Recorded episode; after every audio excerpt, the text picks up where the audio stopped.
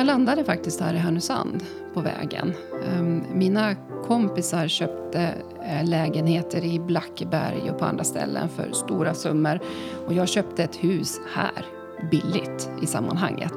Ehm, så jag tyckte det var en no-brainer. Mycket välkommen till Härnösandspodden där magasinet Jippi Härnösand vill berätta mer och längre om någon vi har skrivit om. En podd där vi kan låta folk prata till punkt, där vi får lära känna Härnösands doldisar och kändisar. I Härnösandspodden får ni läsa det som står mellan raderna i Jippi i en uppriktig och gemytlig och nyfiken form. Dagens gäst är Lena av Geijerstam Unger och vi är hemma hos henne eh, och sitter här i en gammal sågverksägarbostad på Dunderkläpp vid Sticksjövägen, cirka sju kilometer från Härnösand det här huset, berätta om det här huset. Beskriv det. Hur ser det ut? Ja, ett, eh, jag brukar säga att det är ett gammalt kråkslott. För det är jättemycket att göra. En hel del snickarglädje som man skulle behöva fixa till. Ehm, stort. Ehm, det är lite trolskt, tycker jag. Det är, ehm, ligger en liten bit från vägen och det känns verkligen att komma hem och in i en annan värld när man kommer hit. Så vi trivs otroligt bra här. Det är ju flera hus här också, eh, på Hemmanet kan man nästan säga. Eller, det är en mm. sågverk, ägarbostad. Vet någonting om historien? Mm. Det var två bröder som hade ett sågverk nere vid Långsjön. Och en byggde det här huset och den andra brodern byggde det som är uppe på kullen där, på Dunderkläpp. Eh, så, och då bodde de här till permanent till 1927. Och sen har det varit sommarbostad tills vi galningar flyttade hit permanent i slutet på 90-talet. Vet du någonting? Dunderkläpp, det är ett fantastiskt namn ja. på en by. Vet du någonting om det namnet? Det jag har hört är att det finns en, en backe bortöver här som är jättebrant och, och som var tuff för hästarna. För då gick ju liksom själva allfarvägen förbi här. Det var en tuff backe, en dunderkläpp. Mm. Uh, och det här är då Hållänge heter just det här huset och det är, vi har en, en fuktig åker. Så här, man, man vattnade sina hästar här ute, man höll hästarna på ängen, så därför heter det hållänge. Jaha, mm. enkelt. Ja. Nu är det inte hästar här längre, nu är det ju getter som går här ute. Vad, ja. vad är det för getter? Berätta lite om djurlivet här. Ja, men de, det är eh, gamla trotjänare, ett antal pensionerade getter skulle jag vilja kalla dem, som hjälper oss att hålla ängarna lite öppna och, och fina.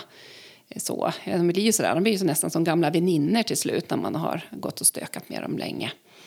Ehm, så det är sex stycken getter ehm, och sen har vi lite hönor. Och normalt så är det ett par hundar som bor i huset här också. De är på äventyr idag. Bara.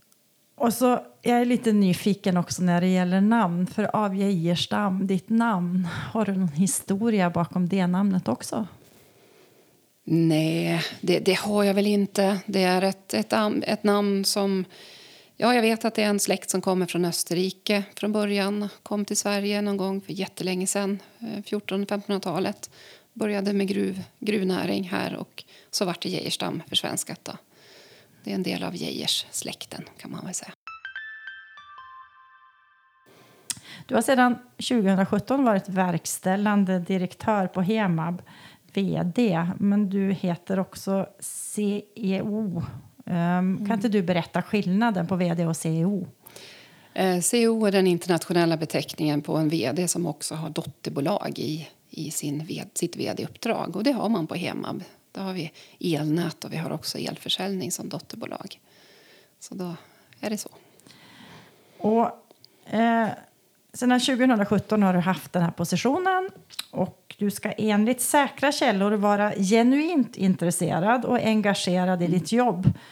Och också säger källorna är du egentligen generellt nyfiken som människa. Stämmer det här? Jag är otroligt engagerad i det jag håller på med. Jag tycker det är fantastiska frågor. Så viktiga. Det är så, så många av, av de utmaningar som vi står inför framöver som, som vi har förmånen att försöka jobba med lösningar inför. Så det är otroligt engagerande. Och, och, ja, jag jobbar väl jämt av den anledningen för jag tycker att det här är så spännande. Eh, och sen är jag nyfiken, jajamän, det har jag alltid varit. Ehm, jag läste till exempel innan jag började på min civilingenjörsutbildning så läste jag idéhistoria därför jag ville ha koll på vad vetenskapen grundar sig på. Så ja, jag är ganska genuin och vill veta saker och ting. Så när jag väl hade satt det, ja, men då gick jag in på tekniskt istället. Så jo, nyfiken. Nyfiken stämmer. Det finns också andra egenskaper som uh, dyker upp när jag googlar dig. okay. du, du, ska få kom kommentera de här egenskaperna mm. som jag hittat. Anspråkslös. Mm.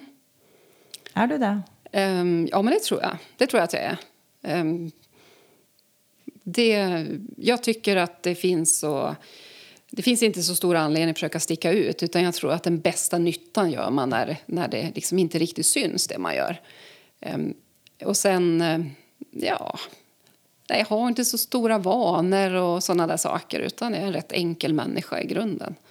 Kunskapsrik, ett annat ord som dyker upp. Är du det är ju väldigt smickrande ord. Jag hoppas att de har rätt.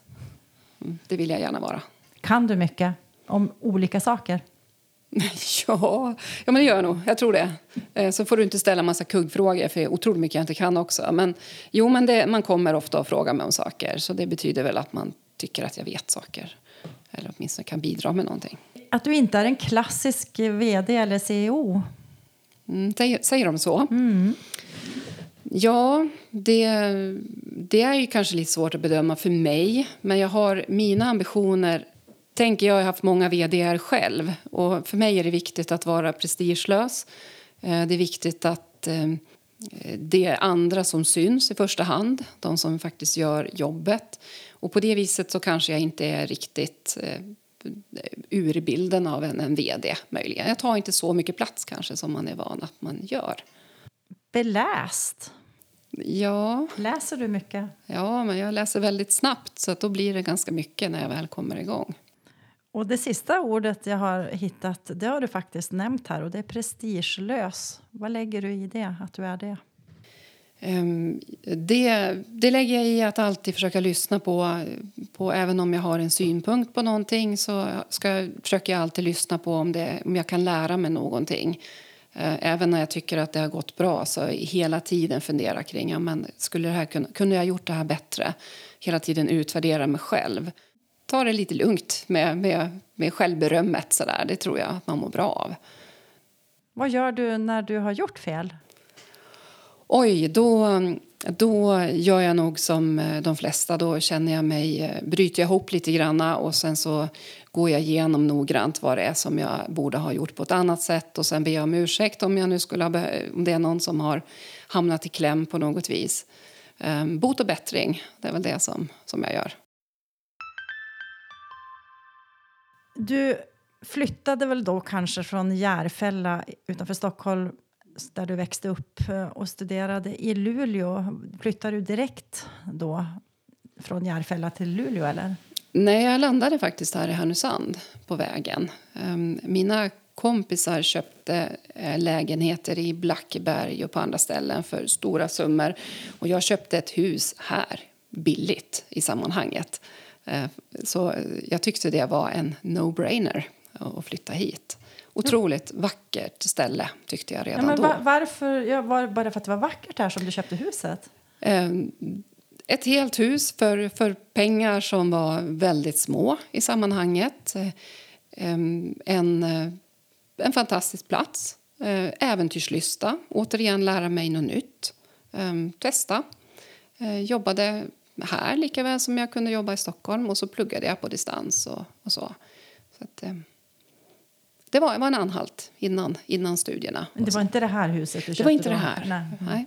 Ni flyttar ju då, du och din man Thomas, eh, hit 1999 om mm. det stämmer. Det har jag mm. hittat på Google.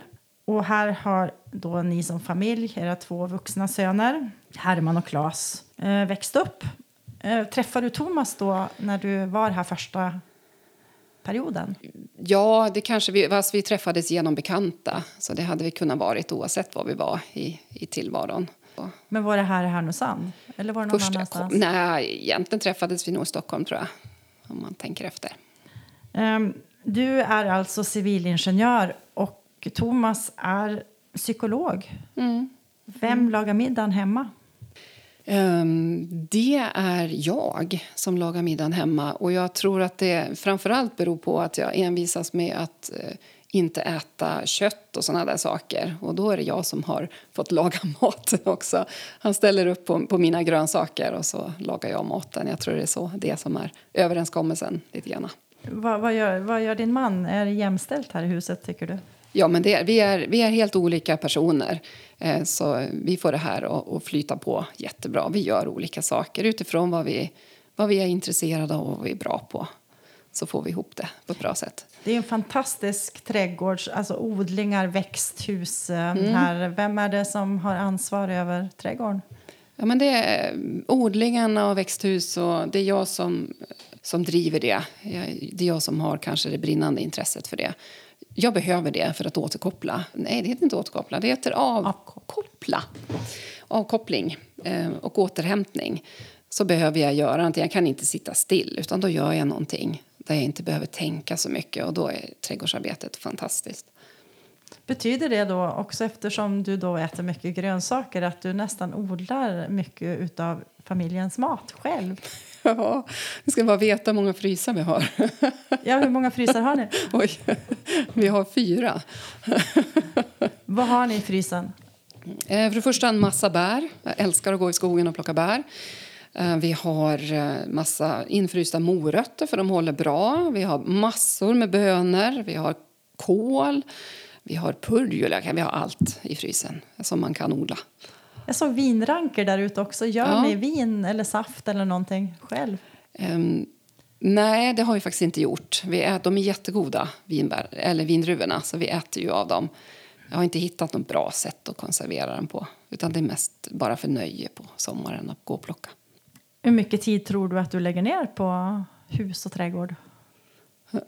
Ja, jag hade ju, med tanke på att huset behöver renoveras hade det behövt läggas ner mer tid. tänker jag. Men har jag tid så är det säkert en, en, timme i alla fall på kvällen som jag lägger när jag liksom kopplar ur jobbet. Så försöker jag gå ut och, och jobba i trädgården istället. Nu måste jag fråga, vilken tid kopplar du ur jobbet?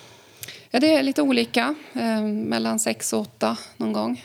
Har du gjort det hela, hela tiden? Alla fyra år? Eh, det har jag gjort eh, i mina tidigare arbeten också. Okay. Du gillar att jobba? Jag gillar att jobba. Mm. Ni har ju en sommarstuga också på Hemsön. Hur har mm. ni tid med det? Eh, den har, där finns det liksom, det är färdigt och där finns det ingenting egentligen att göra. Så, så vi använder den till att bara vara. Vi åker dit och nattar över och så. Fantastisk möjlighet att få, få göra det. Men eh, vi är inte där så där jätteofta, men det kanske blir mer framåt. Hemab ägs av Härnösands kommun med 140 och har 140 anställda och en omsättning på cirka 300 miljoner kronor. Verksamheten omfattar fjärrvärme, fastighetsrenhållning och återvinning, vatten och avlopp, elnät, vindkraft, biogasproduktion, fordonsgasstation, bredband, laddinfrastruktur och engagemang i lokalsamhället. Jag tog mm. allting som stod på hem, Hemabs mm. hemsida för att få med mig allting. Det är ganska mycket ja. som Hemab håller på med. Uh, nu kliar det i fingrarna att få sätta igång, sa du när du tog över rollen som verkställande direktör i april 2017. Vilket Hemab var det du tog över? Eh, jag tog över ett, en, en otroligt väl fungerande verksamhet eh, som hade påbörjat en del eh, framtidsaktiviteter som till exempel investering i, i biogas. Eh, men kraven och ambitionerna är så mycket högre idag.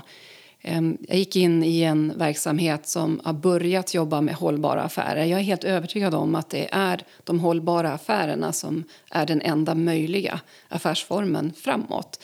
Det finns en otrolig utvecklingspotential och där vi som, som bolag kommer att kunna skapa förutsättningar för andra att bli mer hållbara och även kunna bidra med det själva. Så en, en, en jättestor utveckling och stora behov i samhället som vi kommer att kunna nyttja än mer. Och resan var påbörjad, men, men jag skulle vilja säga att vi har fått upp en otroligt mycket högre fart i det arbetet. När du säger hållbara affärer, kan mm. du inte du beskriva vad det betyder? Ehm, hållbara affärer betyder att man måste naturligtvis få göra affärer. Men det ska vara affärer som, som ger tillbaka. Både till människorna, alltså ska vara människovänligt, och till miljön. Ehm, så när man pratar om hållbarhet så pratar man om tre perspektiv. Det är ekologiskt, socialt och ekonomiskt. Och alla de tre perspektiven ska vara med. Ehm, Hemab är ett sånt eh, typ av företag som kallas för ett hybridföretag eh, som både lyder under kommunallagen och under aktiebolagslagen. Eh, och det som är pang för pengarna i en sån här verksamhet det är också samhällsnytta på ett tydligt sätt. Mm. Eh, och, och, när man får jobba in samhällsnytta då, då, ger man och då blir det också hållbara affärer. Men det måste få vara en affär. Det är viktigt. Vi, vi jobbar inte, ska inte jobba med det som i grunden inte är affärer när vi pratar om, om hållbara affärer. Hemab ägs ju 100 procent av Härnösands kommun. Mm. Uh, vad betyder det att kommunen äger er som bolag? Ja, men det betyder ju jättemycket naturligtvis. Och vi har ju ett ägardirektiv från kommunen som är väldigt brett och väldigt ambitiöst. Jag tror att eh, jag, jag, kan ju snegla på andra systerbolag som har ungefär den här bredden i verksamheten. Och och i mindre kommuner men de har inte alls lika ambitiösa ägare som, som vi har. Och det, för en sån som mig är det otroligt eh, inspirerande. Jätteutmanande, men väldigt inspirerande att få jobba med de här frågorna. Så eh, Härnösand som kommun, vi har ett nytt ägardirektiv sen i eh, december förra året och ställer stora krav på oss. Alltså politikerna ställer krav ja, på vad ni ja. gör? Och... Jajamän, och vad vi ska bidra med till utvecklingen av kommunen och, och vad, vad vi ska ha för resultat och vad, vad, vad som ja, vi ska ge, helt enkelt. Vad ska vi ge tillbaka till, till våra ägare, det vill säga alla Härnösandsbor? Eh, och det är höga krav. Och det gör ju mig bara lycklig. Jag tycker det är roligt. Hur vill du säga att du är som chef? Det är så svårt att svara på det. Eh, det är så lätt att ha en massa förskönande bilder av sig själv som chef. Jag tycker inte riktigt om att prata om mig själv som chef, men jag tycker att det, det viktigaste för mig som chef det, det är att ha en otroligt stor verktygslåda. Att kunna... Eh, det finns så många olika teorier hur man ska vara som chef. Man ska vara si eller så. Och det, men jag tänker att jag lär mig hela tiden. Ja, men den där skruvmejseln och någon annan person behöver någonting annat.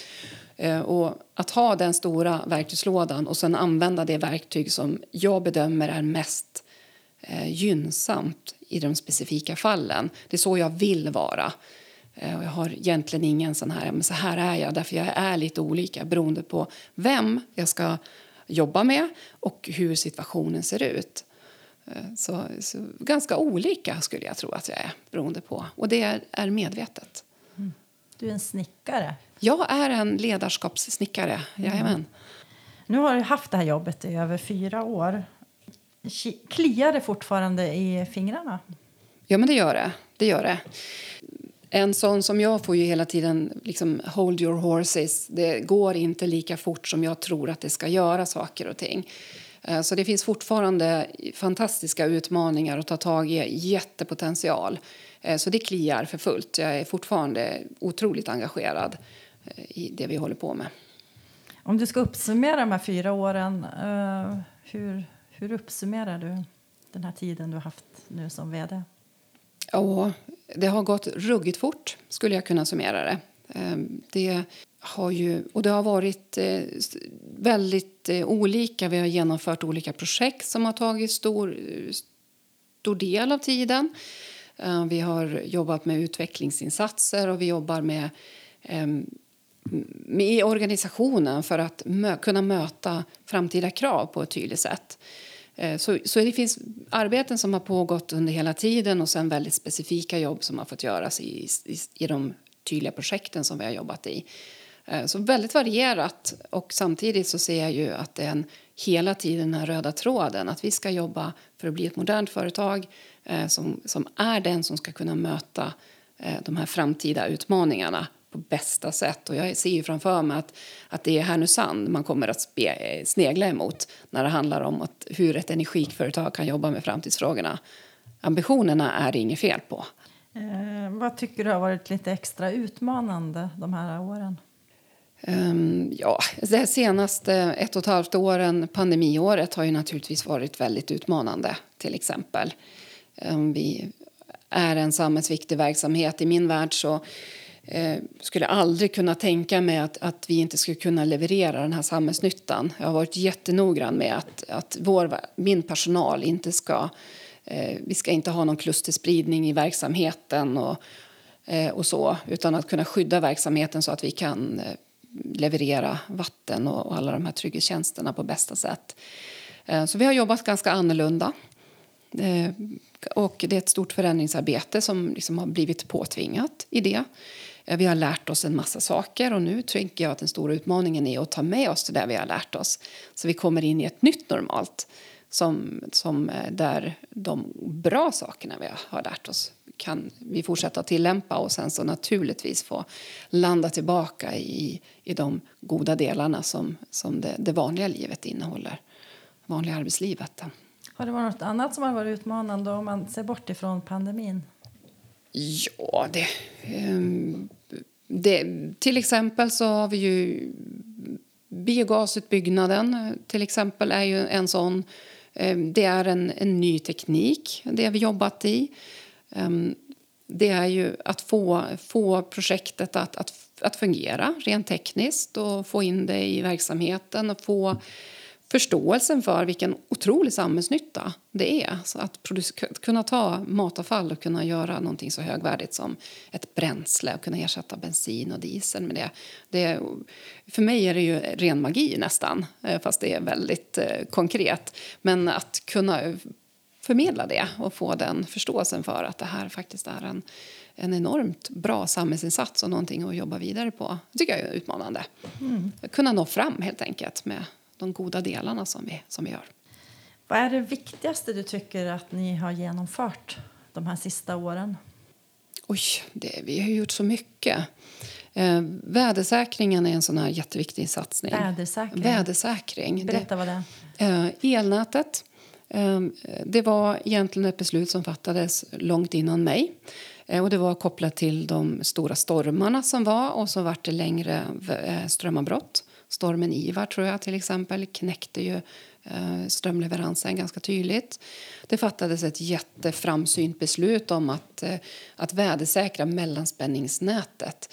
Det vill säga att antingen gräva ner kablarna eller se till att eh, det inte kan falla på träd på, på de ledningarna som behöver stå. Alltså man isolerar ledningarna helt enkelt. Och det har jobbats väldigt strategiskt och konsekvent med det de senaste åren och i år så gör vi det sista. Och det syns ju också att det, även när våra grannkommuner ibland har sina strömmar. Man ska inte säga för mycket för man vet ju aldrig riktigt vad som ska hända. Men, men eh, hittills så, så visar det ju väldigt tydligt att Härnösandsborna har ju haft strömmen även när, när strömmen har gått i grannkommunerna. Mm. Eh, och det är ju en otroligt viktig satsning. Jag är jättestolt över den. Mm. Och att fortsätta att jobba med elnätet så att vi, vi verkligen möter de kommande behoven som är. Ehm, när elbilarna blir fler, ja, men det kommer ju ställa krav på elnätet. naturligtvis.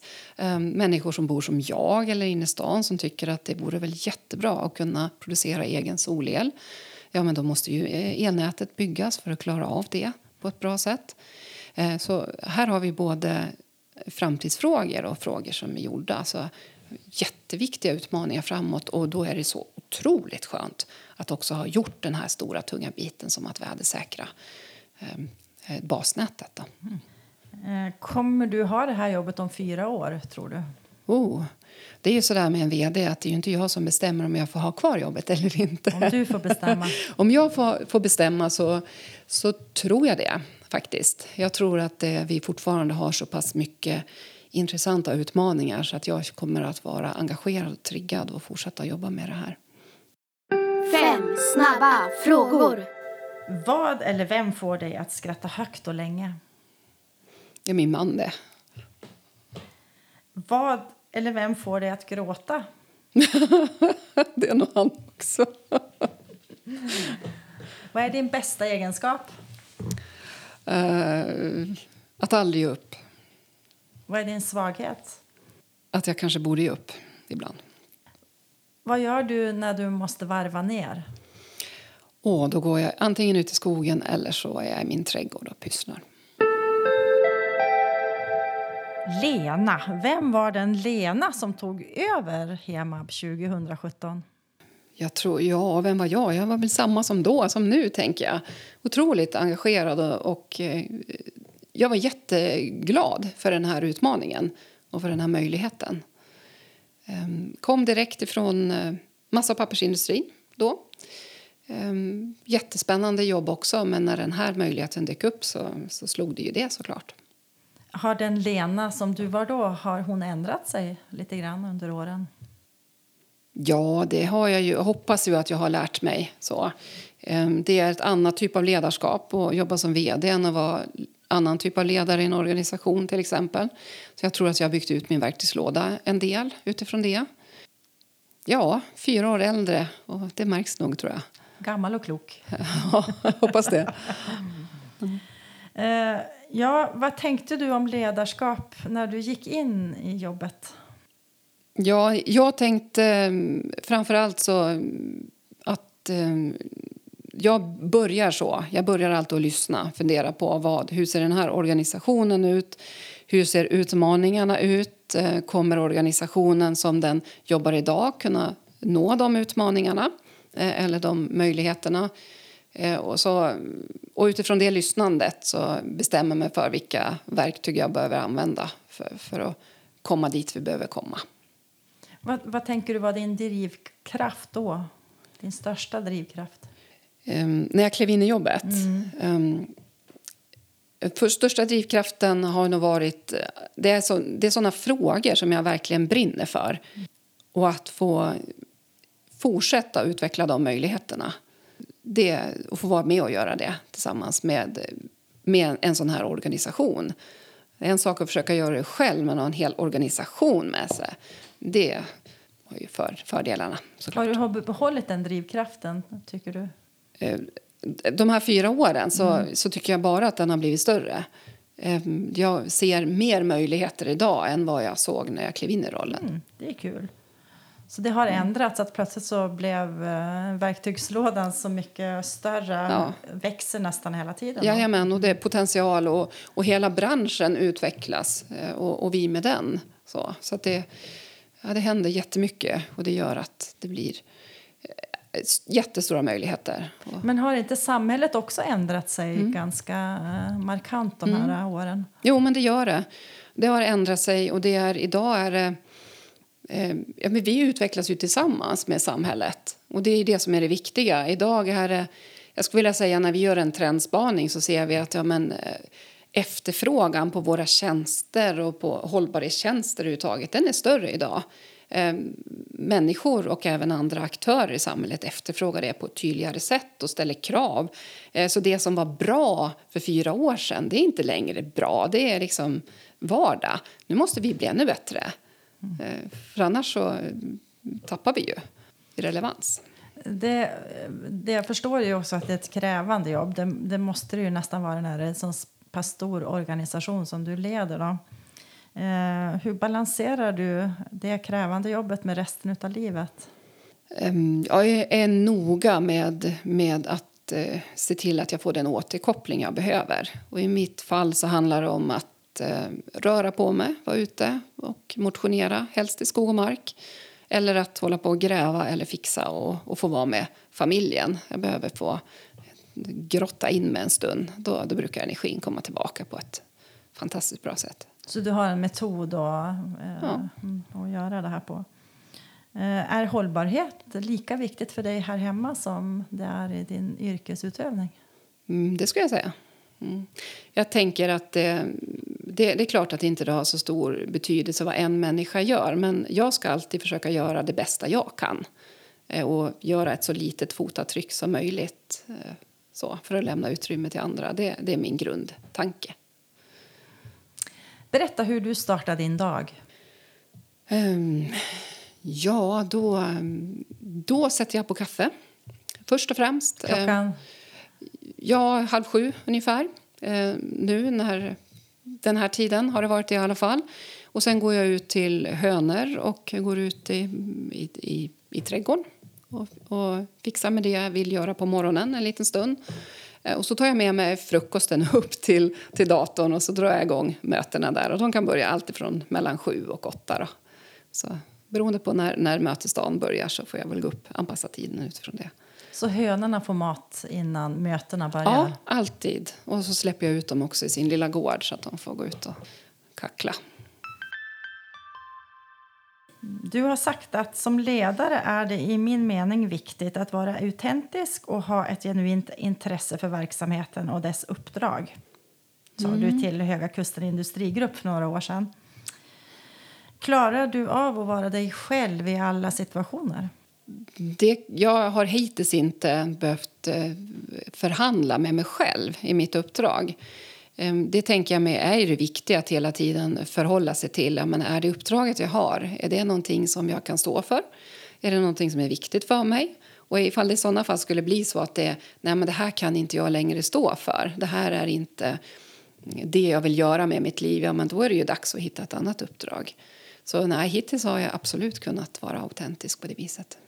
Hur håller du, har du något tricks för oss andra hur man håller engagemang levande hela vägen? Ja, i mitt fall så handlar det om att eh, jag vill lämna en bättre värld efter mig än vad jag kom till.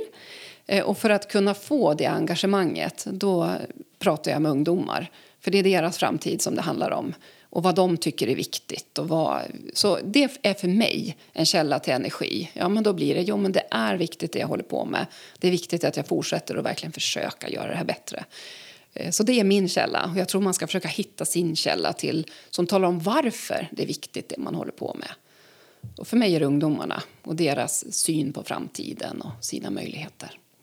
Hur ofta träffar du ungdomar? Är det en del av uppdraget hemmapar att gå ut och prata med Nej, ja, det, det, gör vi väl delvis, men inte jag.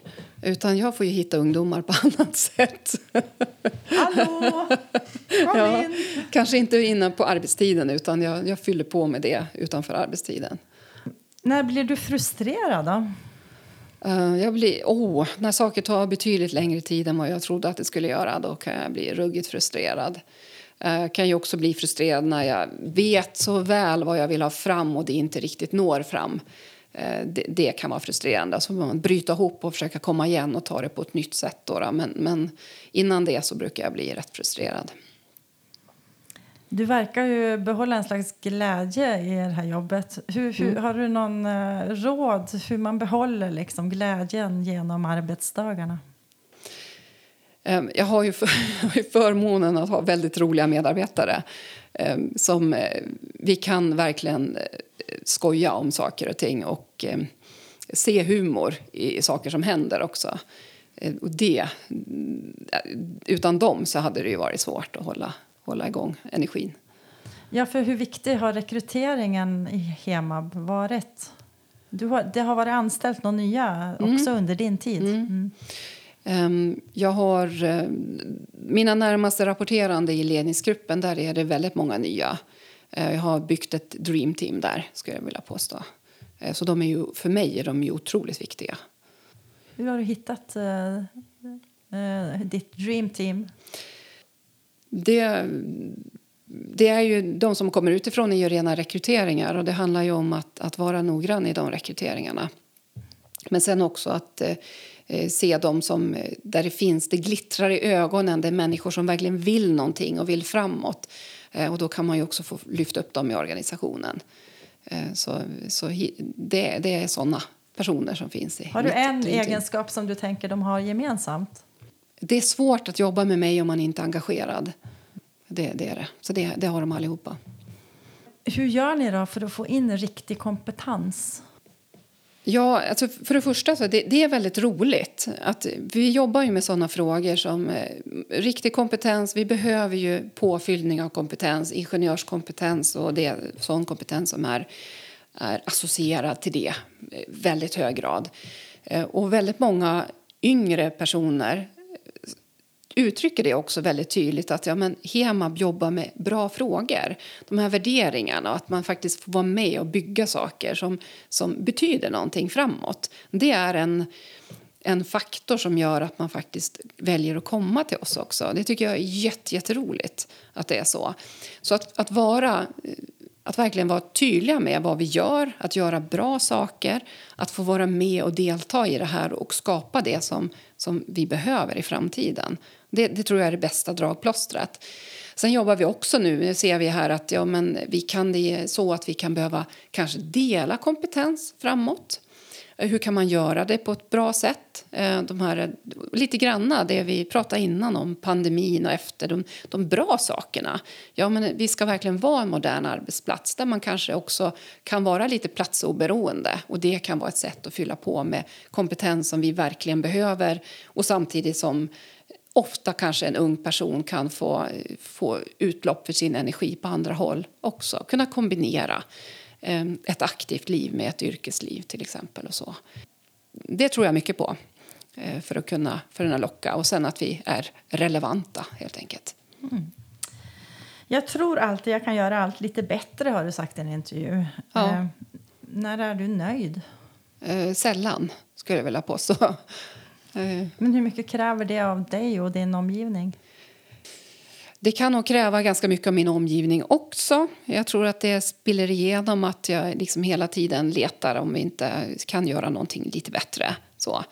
Eh, men jag tror att det framför allt eh, spiller över på mig. Eh, att jag hela tiden försöker se om jag kan göra det på ett bättre sätt. Men, men det är ju så jag är.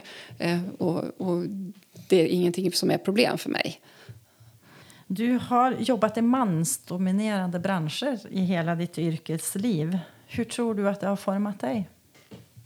Jag tycker att det är... Eh, generellt så har jag, tycker jag att det är roligt att jobba med män precis som det är roligt att jobba med kvinnor. Så jag har inte någon sån eh, skillnad i det. Men däremot så tror jag att det, det betyder att jag vet att jag måste verkligen bevisa mig. Uh, i, man är en kvinna i en, en mansdominerad så måste man göra väl ifrån sig. Man måste visa resultat. Um, det går inte att glida igenom, utan det kommer att synas och det kommer att uh, ifrågasättas. Och du, du måste ta för dig på ett väldigt tydligt sätt. Vilket, eh, uh, det, det triggar ju också att utveckla sig. Så det har ju på, jag tror att det har påverkat mig mycket. Att också verkligen försöka visa resultat och hela tiden sträva mot resultat. Mm, har, märker du att det är någon skillnad med åldern? Beroende på vilket sammanhang man jobbar, tänker, eller då, tänker Nej, Jag tänker att man jobbar i en mansdominerad bransch. Eh, var det annorlunda när du var yngre än när du är äldre? Ja, men framförallt så har ju jag en, en större tyngd i det jag säger och jag kan ju säga ifrån och jag har ju lärt mig spelet på ett annat sätt. Det var lättare att bli bort, bortviftad i de yngre åren. Så är det Hema är ju ett av de största bolagen i Härnösand. Och du är en av väldigt få kvinnor som är vd för ett stort bolag i kommunen. Då. Är det någonting du någonsin tänker på? Nej, men det, det gör jag faktiskt inte. Eh, för mig är det här, jag jobbar med de frågor jag är utbildad för och det jag brinner för att göra. Ehm, sen så är ju naturligtvis, vi är väldigt mycket i branschen, energibranschen. Tidigare så var jag i skogsindustrin, liksom också en bransch. Och det är ju mycket män i de, i de branscherna. Och jag tänker att en av utmaningarna är att ja, men, jag, i den mån jag har ett lite annat perspektiv så ska jag orka driva det perspektivet eh, trots att kanske det är lite annat andra saker som andra tänker. Att verkligen dra nytta av att vara lite kanske annorlunda i det sammanhanget. Kan du ge ett exempel? Um, ja, men ofta, det, blir, det är ofta så här har vi alltid gjort. Uh, tanken. Um, den blir lätt cementerad i en bransch som är ganska så lika. Där människor är lite lika och man har fått jobba lite lika under ganska många år. Um, och att då orka ställa frågan men varför gör vi så? Och man skulle ju kunna göra så här istället. Och, och sådär. Jag kan, vara, jag kan vara ganska jobbig tror jag i de sammanhangen. Men det tycker jag är min roll. Tycker du synen på ledarskap ändrar sig? Jag tycker att det, det går ganska mycket mode i ledarskap. Eh, så den, det ändrar sig över tid. Det gör det. Ehm, och ibland så är man mer enligt i fas med modet och ibland inte lika i fas med modet. Så är det ju. Men eh, generellt så, så jag ser ju de yngre också, det här självledarskapet. Att kunna faktiskt eh, få ansvar och ta ansvar och eh, inte vara i så stort behov av, av en, en chef som styr. Så det, det, kommer, det tror jag kommer framåt, att det blir större och större självledarskap och mindre av, av detaljstyrning utan att man hittar ett, ett eget sätt. Man, man ska mot ett mål, men att faktiskt vara den som tar sig dit också och vet bäst hur man gör det. Det ser du framtidens ledare vara, gå den vägen? Ja, men det, jag tror ju det. Eh, jag tror att, eh, men det, det, framtidens ledare ser ut så, men jag tror också framtidens medarbetare ser ut så. Att man jättegärna vill ha det här självledarskapet. Och att, eh, men då är det ju så, så viktigt som ledare att, vara, att det är väldigt tydligt om vad vi ska någonstans. Vad, är det, vad får jag betalt för att göra? Vad är mitt uppdrag? Och när man väl har förankrat det uppdraget så ja, men då, då får jag leda mig själv för att ta mig dit och be om hjälp när jag behöver. Ehm, det tror jag kommer vara vara ett viktigt sätt att kunna. Det är en av de där verktygen i verktygslådan. Det är ett väldigt roligt sätt att kunna få leda på. Eh, och jag, många trivs med det. Och sen gör inte alla det och då måste det finnas andra verktyg i lådan också. Du är utbildad civilingenjör i samhällsbyggnadsteknik eller miljöteknik på Luleå tekniska universitet och har också studerat etnologi, idéhistoria och geologi. Mm. Det är en mm. kul kombination. Du sa lite i början om den här kombinationen. Men mm. varför kan du liksom, hur använder du idéhistorien nu i Hemab till exempel? Det, jag tror att det är min... till vardags använder jag kanske inte den. Men det, det är liksom grundtanken om men vad bygger den här kunskapen på. Vad är det för axiom eller vad är det för förutsättningar som man, som man har tagit fram det här på. Och för mig är det ett sätt att, att kunna försöka hitta nya sätt, angreppssätt. Eh, ofta, det, det, är en gammal tanke hos mig i alla fall, att man tänker olika sakområden eh, så, så är de väldigt väl utvecklade. Eh, till exempel kemi, fysik är väldigt eh, välutvecklade sakområden. Men det är riktigt intressanta som jag tycker, det som händer däremellan.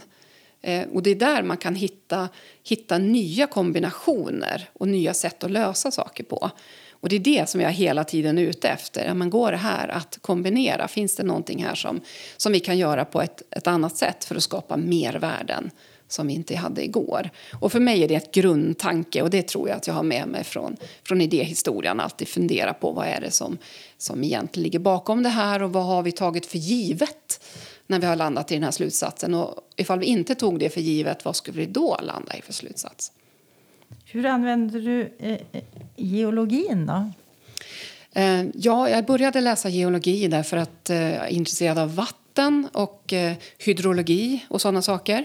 Och Ehm, det har jag sen studerat väldigt mycket av i, i, i min civilingenjörsutbildning. Eh, det var lite för... Ehm, det var inte, lika, inte tillräckligt utmanande utbildning för att jag skulle gå klart den. Jag behövde lite mer matte och annat att räkna på för att jag skulle gå igång. Så därför så läste jag bara 20 poäng då i den. Men eh, jag har använt det mycket faktiskt. Etnologin? Ja, det är en grundläggande nyfikenhet hur människor tänker. Etnologi, folklivshistoria, skrönor. Vad är det, vad, vad är det liksom får människor att tro på saker och ting och så? Ehm, det tycker jag också är jättespännande och jättenyttigt att förstå. Hur vi, vi har eh, det finns ju skrönor idag. Alltså, moderna skrönor och internet gör ju att det finns ännu mera skrönor där saker och ting växer och det är konspirationsteorier och annat. Alltihopa det här kokar ju ner till hur är det så att människor tror på saker och ting. Och för mig så är det ett sätt att, att förstå världen också. Så ja, jag använder det också. Det var, det var inte någon eh, jättetydlig plan jag hade när jag läste det. Bara ett jättestor nyfikenhet för hur det här fungerar. Eh, så, men jag är glad att jag har det med i bagaget. Du har inte något exempel på hur etnologin har... Liksom, eh, en skröna har hamnat i Hemabs eh, dokument. Liksom, och ja. Nej, det, det, det, har jag väl inte. inte någon, någon bra... Jag kan inte dra en sån koppling. Utan det, det är nog snarare sättet att tänka och, och hur det kommer sig att, att det kan bli en hön av en fjäder av saker och ting. Eh, och hur började det? Och, och, när blir det en etablerad sanning fast det kanske egentligen inte var en sanning? Vi har haft en... Eh, att kunna komma igenom med fakta det är ju en sån där jätteviktig fråga hela tiden. Ehm, vi har haft en, en, diskussion, eller det har funnits en, en fundering i, i media och hos allmänheten angående asbest som vi, plock, vi tar hand om på i Erlands återvinningsanläggning. Och det har vi gjort hur länge som helst. Eh, vi är jätteduktiga på det. Eh, och där geologin igen, det här är bara en, en, ett mineral, en, en, en bergart precis som alla andra. Eh, och när man väl tar hand om den på rätt sätt så är den ofarlig. Men att kunna försöka komma ut med det när, när oron är på plats eller när man tänker att det här, är, det här måste vara någonting farligt.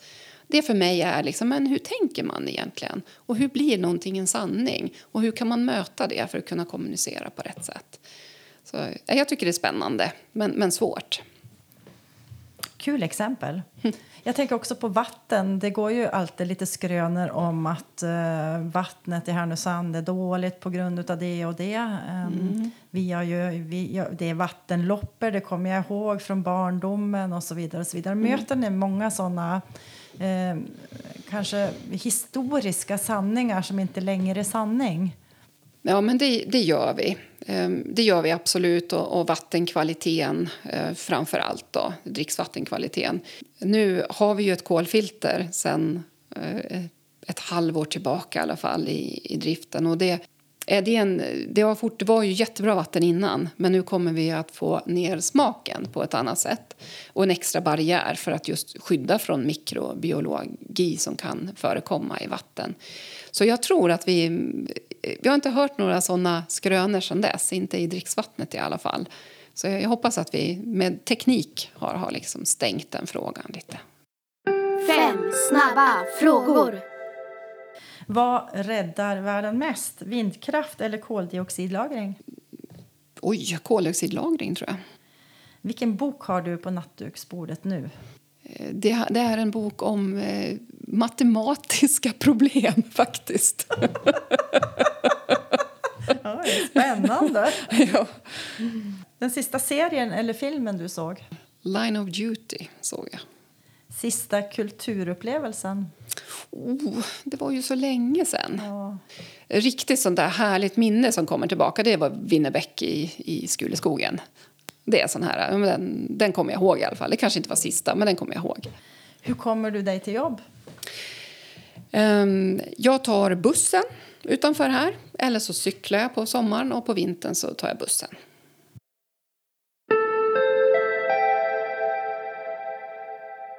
I en företagarfrukost 2017 så sa du att du mötte Jante när du flyttade till Härnösand. På, och det var på slutet på 1990-talet.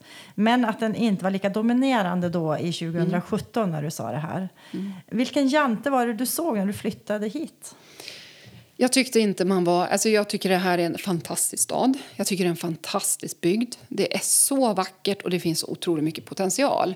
Men det var lite äsch då det är väl inte så noggrant. Och, och, och den här frågan, hur sjutton kan du flytta hit? Och jag tycker att, ja, men varför gör inte alla det? Eh, så att det tyckte jag var det här att inte förstå att ja, men det är klart du ska flytta hit för det här är ju världens bästa plats. Eh, det tyckte inte jag såg och det tycker jag ser lite mer utav nu. Eh, det är det värt. Det, det, så ska det vara. Vad tror du har hänt i staden eller bland stadens invånare som är, har gjort ändringen?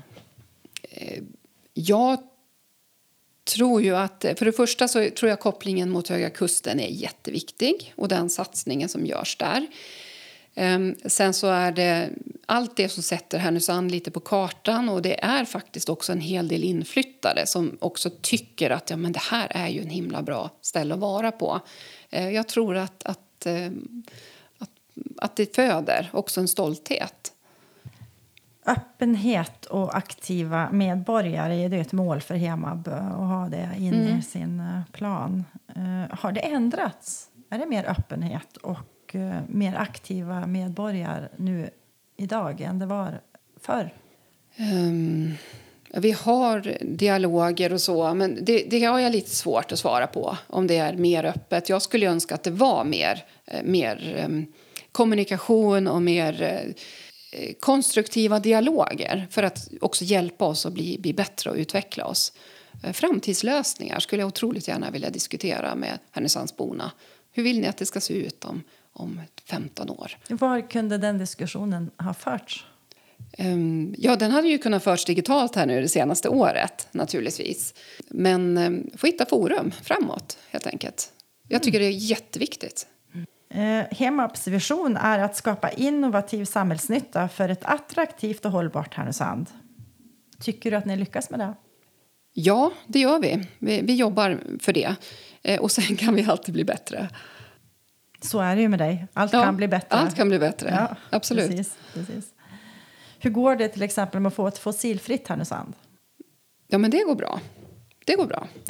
Eh, och bara den, den biogassatsning som vi jobbar i nu när vi bygger ut bio, biogasanläggningen så att vi kan ta emot matavfall från hela regionen i stort sett gör ju också att vi kan erbjuda fordonsbränsle till exempel för bussar och, och eh, tunga bilar. Vi kör en del av våra sopbilar idag och eh, även eh, containerbil på biogas och så. Så vi har ju ett reellt alternativ. Eh, fordonsladdning, vi jobbar med fossilfritt på kraftvärmeverket och vi har egen elproduktion som naturligtvis är fossilfri. Så jo men absolut. Eh, och det är ju det som är vårt jobb, att skapa alla dessa förutsättningar. Och vi har en eh, produktion av mikroproducenter, Härnösandsbor som väljer att producera egen el. Och Den är naturligtvis fossilfri och så är det upp till oss att se till att den kommer in i elsystemet på ett nyttigt sätt. Hema har vindkraftverk på Vårdkasen och Spjutåsberget. Kommer det bli flera? Det finns inte i planen um, som det ser ut idag. Däremot så har vi vårt ägardirektiv att vi ska jobba för, att, uh, för en fossilfri produktion av el eh, vare sig vi ska göra det eller se till att andra kan få göra det. Och där kan till exempel mikroproduktion vara en sån sak. Vad tror du är de största utmaningarna för Härnösand för att nå nollutsläpp? Jag tror att vi... Eh, alltså en av de, de, viktigaste frågorna tror jag för att, att få hela strukturen att funka och så, en, en av dem är ju järnvägen, alltså eh, Ostkustbanan till exempel. Otroligt viktig för Härnösands utveckling, tänker jag, men också för att kunna få transportflödena att funka på ett, på ett bra sätt. Um, men sen har vi ju fortsätta, det är så någonting som jag tycker att kommer att vara en otroligt viktig fråga framåt också. Det är ju det som har med återbruk att göra och att få kunna använda resurser på ett nytt sätt. Eh, det arbete som bedrivs med att skapa en återbruksgalleria i Härnösand, ja, men det är ju fantastiskt. Ehm, och eh, det är vi ju egentligen, när vi har fått koll på våra direkta utsläpp så är det ju de indirekta utsläppen som handlar om konsumtion och, och så som, som blir de viktiga. Där har vi en del att jobba vidare med helt enkelt. Mm.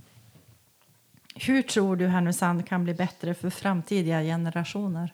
ett litet och eh, ödmjuk fråga. Ja, Den är ganska stor. Men, mycket ödmjuk fråga. ja. Eh, vi ska se till att, att, vi, för det första så att se till att vi har en, en bygger infrastrukturen så att den är flexibel så att vi kan koppla på industrier, industrier, hållbara industrier som kan få komma hit, bygga vidare på det, se till att vi har arbetstillfällen. Jag tror också att vi ska se till att Alltså, det finns fantastiska bostadsorter eh, eh, orter eller ställen i Härnösand om man får dela upp det på det viset. Ehm, jag tror nog att, eh, eller jag är övertygad om att potentialen i till exempel distansarbetare, kunna bo i Härnösand, kanske jobba någon i Chicago. Eh, den, det tror jag är en fullständigt reell eh, realitet framåt. Och då gäller det att skapa förutsättningar, se till att vi har väldigt bra boendemiljöer och en samhällsservice som man är stolt över och trygg med. Då kommer, det att kunna, kommer man kunna vara i Härnösand och kanske jobba någon annanstans också i förlängningen. Men det, utvecklingen som händer nu i Norrbotten med, mm. eh, påverkar det oss här i Västernorrland också? Hur ser du på det? Um, jag är ganska övertygad om att det kommer att påverka. Det, det är ju en fantastisk utveckling i Norrbotten eh, och Västerbotten också Eh, faktiskt. Mm. Det kommer att påverka, framförallt kommer det påverka elen. Idag så är vi en net, eh, skickar vi ju el söderut medan man tror att att när väl projekten kommer igång så kommer inte det skickas någon el söderut längre utan då kommer den elen att behövas i norr. Det betyder att vår el som vi producerar kanske måste gå norrut. Men det är också med bra infrastruktur och det är där jag, där jag pratar om järnvägen också. Så, så kommer det kunna ge fantastiska möjligheter även för att bygga vidare på de satsningarna här. Det knyter ju ihop. Det finns ingen anledning att det ska finnas ett, ett södra Sverige som, det, som utvecklas som det gör idag och sen så har vi norra Sverige som utvecklas. Det är klart att mellanområdet kommer att bli viktigt också. Kommer Hemab att flytta Alltså hur kom, pandemin har ju påverkat Hema, du har ju berättat mm. lite grann om det. Tror du att Hema kommer att eh, flytta, kommer ni flytta tillbaka till era kontor i höst? Um, vi, har, vi har en återgångsplan och den är inte datumsatt. Av den enkla anledningen att hittills har alla datum behövt skjutas framåt och då tappar man bara en massa energi. Men vi har, vi har tydliga punkter på hur vi ska återgå med verksamheten in i det nya normala. Um, ja, får hoppas att det är så att vi kommer tillbaka. Vad är det nya normala för dig? Det nya normala innebär att vi har tagit med oss de goda lärdomarna eh, som vi har. Jag tror att vi kommer ha en del medarbetare som kommer att fortsätta att jobba en del på distans i det nya normala därför att det är en fördel för medarbetaren och för verksamheten. Det måste vara både och. Um, och vi kommer att ha strukturer där vissa möten kommer att vara digitala därför att det är mer effektivt. Och så kommer vi ha andra möten som bara handlar om att knyta kontakter och vara kreativa och, och jobba med utvecklingsfrågor. Och de ska då vara på plats och i, i, i ett sånt sammanhang. Så lite andra mötesstrukturer och andra sätt att jobba på. Och verkligen inte bara hoppa tillbaka i det som var förut utan att ta med oss det vi kan av det som har varit nu. Vi har ju pratat om eh, biogasanläggningen i Ärland eh, där det produceras fordonsgas av matavfall. Nu föreslås det ju från, jag tror faktiskt det är regeringen som har föreslått eh, att eh, eh, biogasbilar ska uteslutas från den svenska miljöbilsdefinitionen. Eller det kanske var EU faktiskt som mm. föreslog det. Va, vad tänker du om det här förslaget vad betyder det för er? Um, alltså för, för det första så tycker jag förslaget är dåligt. Uh, så är det. Men jag har en, en eh, viss förståelse för det utifrån att vi har ju producerar ju biogas som är ehm, miljövänlig på alla sätt. Vi har, vi har en netto minusutsläpp på den biogas som vi producerar. Eh, men man kan lika gärna tanka in naturgas och då är inte den, då är den inte något bra miljötryck av den. Så jag har en viss förståelse för att ifall man istället tankar naturgas så blir det inte så bra. Så på det viset så förstår jag att det är en, en, en, en klurighet så. Men eh, det, det blir ju inte bra, eh, det, naturligtvis. Det kommer i så fall påverka de normala bilarna, vanliga småbilarna om man säger så. Och vi behöver ju tvärtom en annan utveckling där biogasen är en viktig ett viktigt bränsle framåt. Vi kan inte bara ha elbilar. Ja, men då blir elsystemet överlastat. Så vi behöver ju flera olika sätt att och kunna tanka våra fordon framåt. Och då är biogasen suverän det finns massor med avloppsslam, det finns massor av matavfallsrester och sånt som faktiskt kan bli ett högvärdig produkt. Hur, för oss på Hema specifikt, ja för det första, det, det är irriterande och så utifrån att det inte riktigt driver verksamheten dit vi vill. Men vår satsning påverkas inte utifrån att vi, vi ser ju fort, att det är den tunga trafiken som är vår, vår största eh, avnämnare av den gas vi producerar. Och den påverkas ju inte av de här reglerna. Gör ni någonting eh, konkret eh, upp mot EU till exempel? Vi deltar i debatten tillsammans med andra eh, aktörer, gasaktörer. Mm. Det är det vi kan göra i det här läget. Vilka hållbarhetsutmaningar tror du kommer att bli störst fram, framöver, lokalt och regionalt? Jag, jag, tror ju att det är de indirekta utsläppen som, som kommer att vara det som vi behöver jobba med. Det som kommer av det vi konsumerar. Eh, och det gäller vare sig om man är en aktör eller en verksamhet eller om man är en privatperson. Och de måste vi jobba med. Eh, och, och, att hitta möjligheter för att hantera det. Och sen är det just eh, väldigt, väldigt mycket kommer att landa tillbaka på elsystemen och att de fungerar väl och att de fungerar i det nya landskapet som kommer växa fram. Där det både produceras el lokalt ute hos människor eller kanske till och med på, i, i, i verksamheter som har en, en anläggning Eh, och samtidigt som vi har elladdningar och el ska ju användas till, till väldigt mycket framåt. Eh, och att få ihop det eh, systemet och verkligen kunna erbjuda bra lösningar på det, det tror jag kommer att vara problemet. Problemet med, med elen är ju inte egentligen elens mängd utan det är effekten, hur mycket som behövs samtidigt.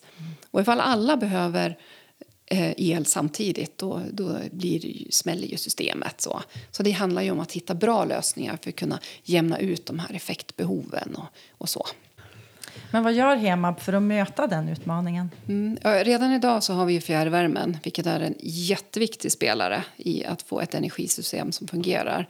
Vi har en kraft, ett kraftvärmeverk som producerar el i turbinen eh, och den producerar som mest när det är som kallast ute och då är det då vi behöver som mest effekt också.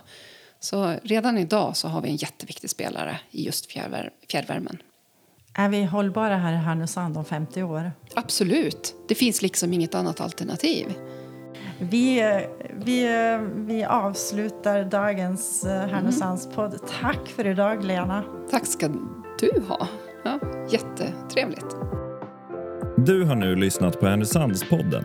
Intervjun gjordes av Karin Skarby. Ljudtekniker och producent var Martin Sundqvist på Alltid Marknadsbyrå och Joel Nyberg på Lejonbröder som även gjort musiken.